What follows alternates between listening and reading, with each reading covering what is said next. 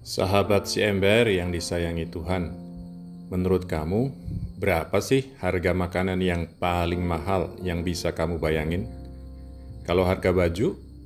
Kalau harga rumah? Gimana dengan harga mobil, biaya sekolah, liburan, atau hobi? Kalau kamu punya uang cukup banyak untuk semua itu, kira-kira kamu bakal beli semua yang paling mahal itu nggak? Teman sahabat Yesus yang terberkati. Hari ini kita dengar Yakobus ngomong keras ke orang-orang kaya.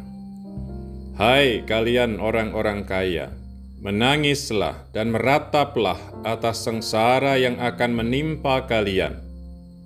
Karena kalian telah menahan upah para buruh yang telah menuai hasil ladangmu dan keluhan mereka yang menyapit panenmu telah sampai ke telinga Tuhan semesta alam. Kalian telah hidup dalam kemewahan dan berfoya-foya di bumi. Kalian telah memuaskan hati sama seperti pada hari pembantaian.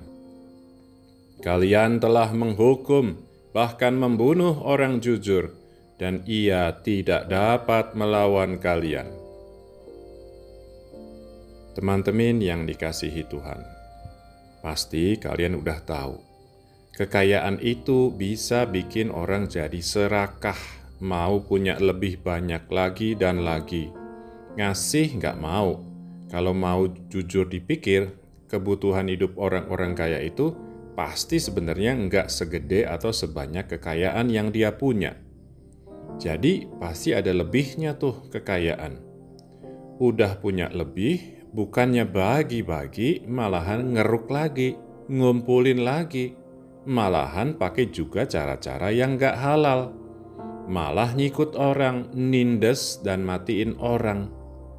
Kalaupun semua baik-baik aja, pertanyaannya, semua kekayaan itu dipakai apa? Kenapa nggak bagi-bagi sama banyak orang yang kesusahan? Sahabat kekasih Allah, kita semua perlu hati-hati. Yesus aja sampai ngomong keras juga. Bahkan kalau tangan atau kaki menyesatkan, kita disuruh menggal. Kalau mata menyesatkan, cungkil. Apalagi kalau cuman kekayaan. Jadi orang kaya itu tanggung jawabnya gede, tuntutannya enggak kalah gede. Masih mau jadi orang kaya? Jangan sampai dikatain, celakalah kamu. Terus nangis dan meratap. Kalian baru aja dengerin renungan si ember bersama saya, Monano.